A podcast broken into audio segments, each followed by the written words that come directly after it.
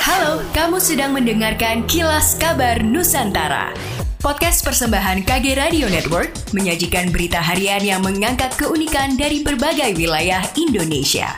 Kilas Kabar Nusantara dapat juga didukung oleh pengiklan loh.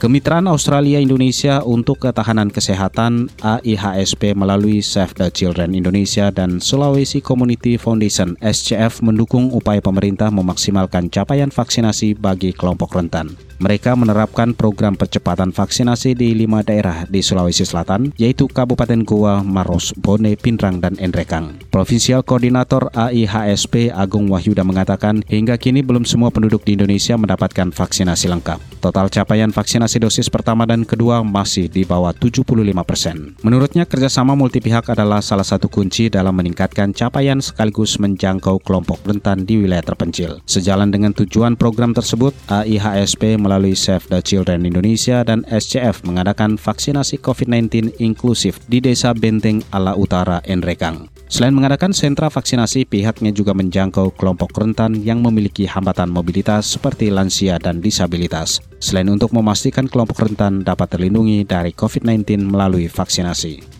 Pembentukan Badan Penanggulangan Bencana Daerah atau BPPD Palembang masih dalam tahap kajian. Hal ini seperti yang disampaikan Asisten 3 Bidang Administrasi Umum Setda Kota Palembang Zulkarnain yang mengatakan nantinya akan dibentuk tim gabungan yang terdiri atas Bapeda, Dinas Perhubungan, Dinas Sosial, dan BPKAD, bagian hukum, dan organisasi Setda Kota Palembang yang bertugas untuk berkoordinasi dengan kementerian.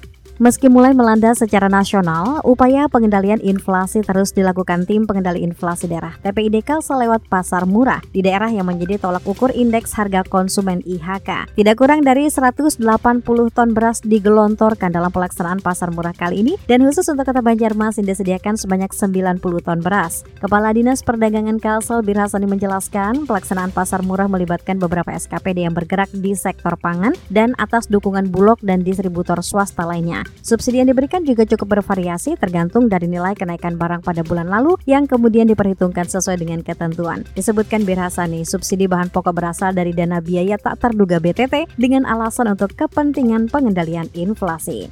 Demikianlah kilas kabar Nusantara malam ini.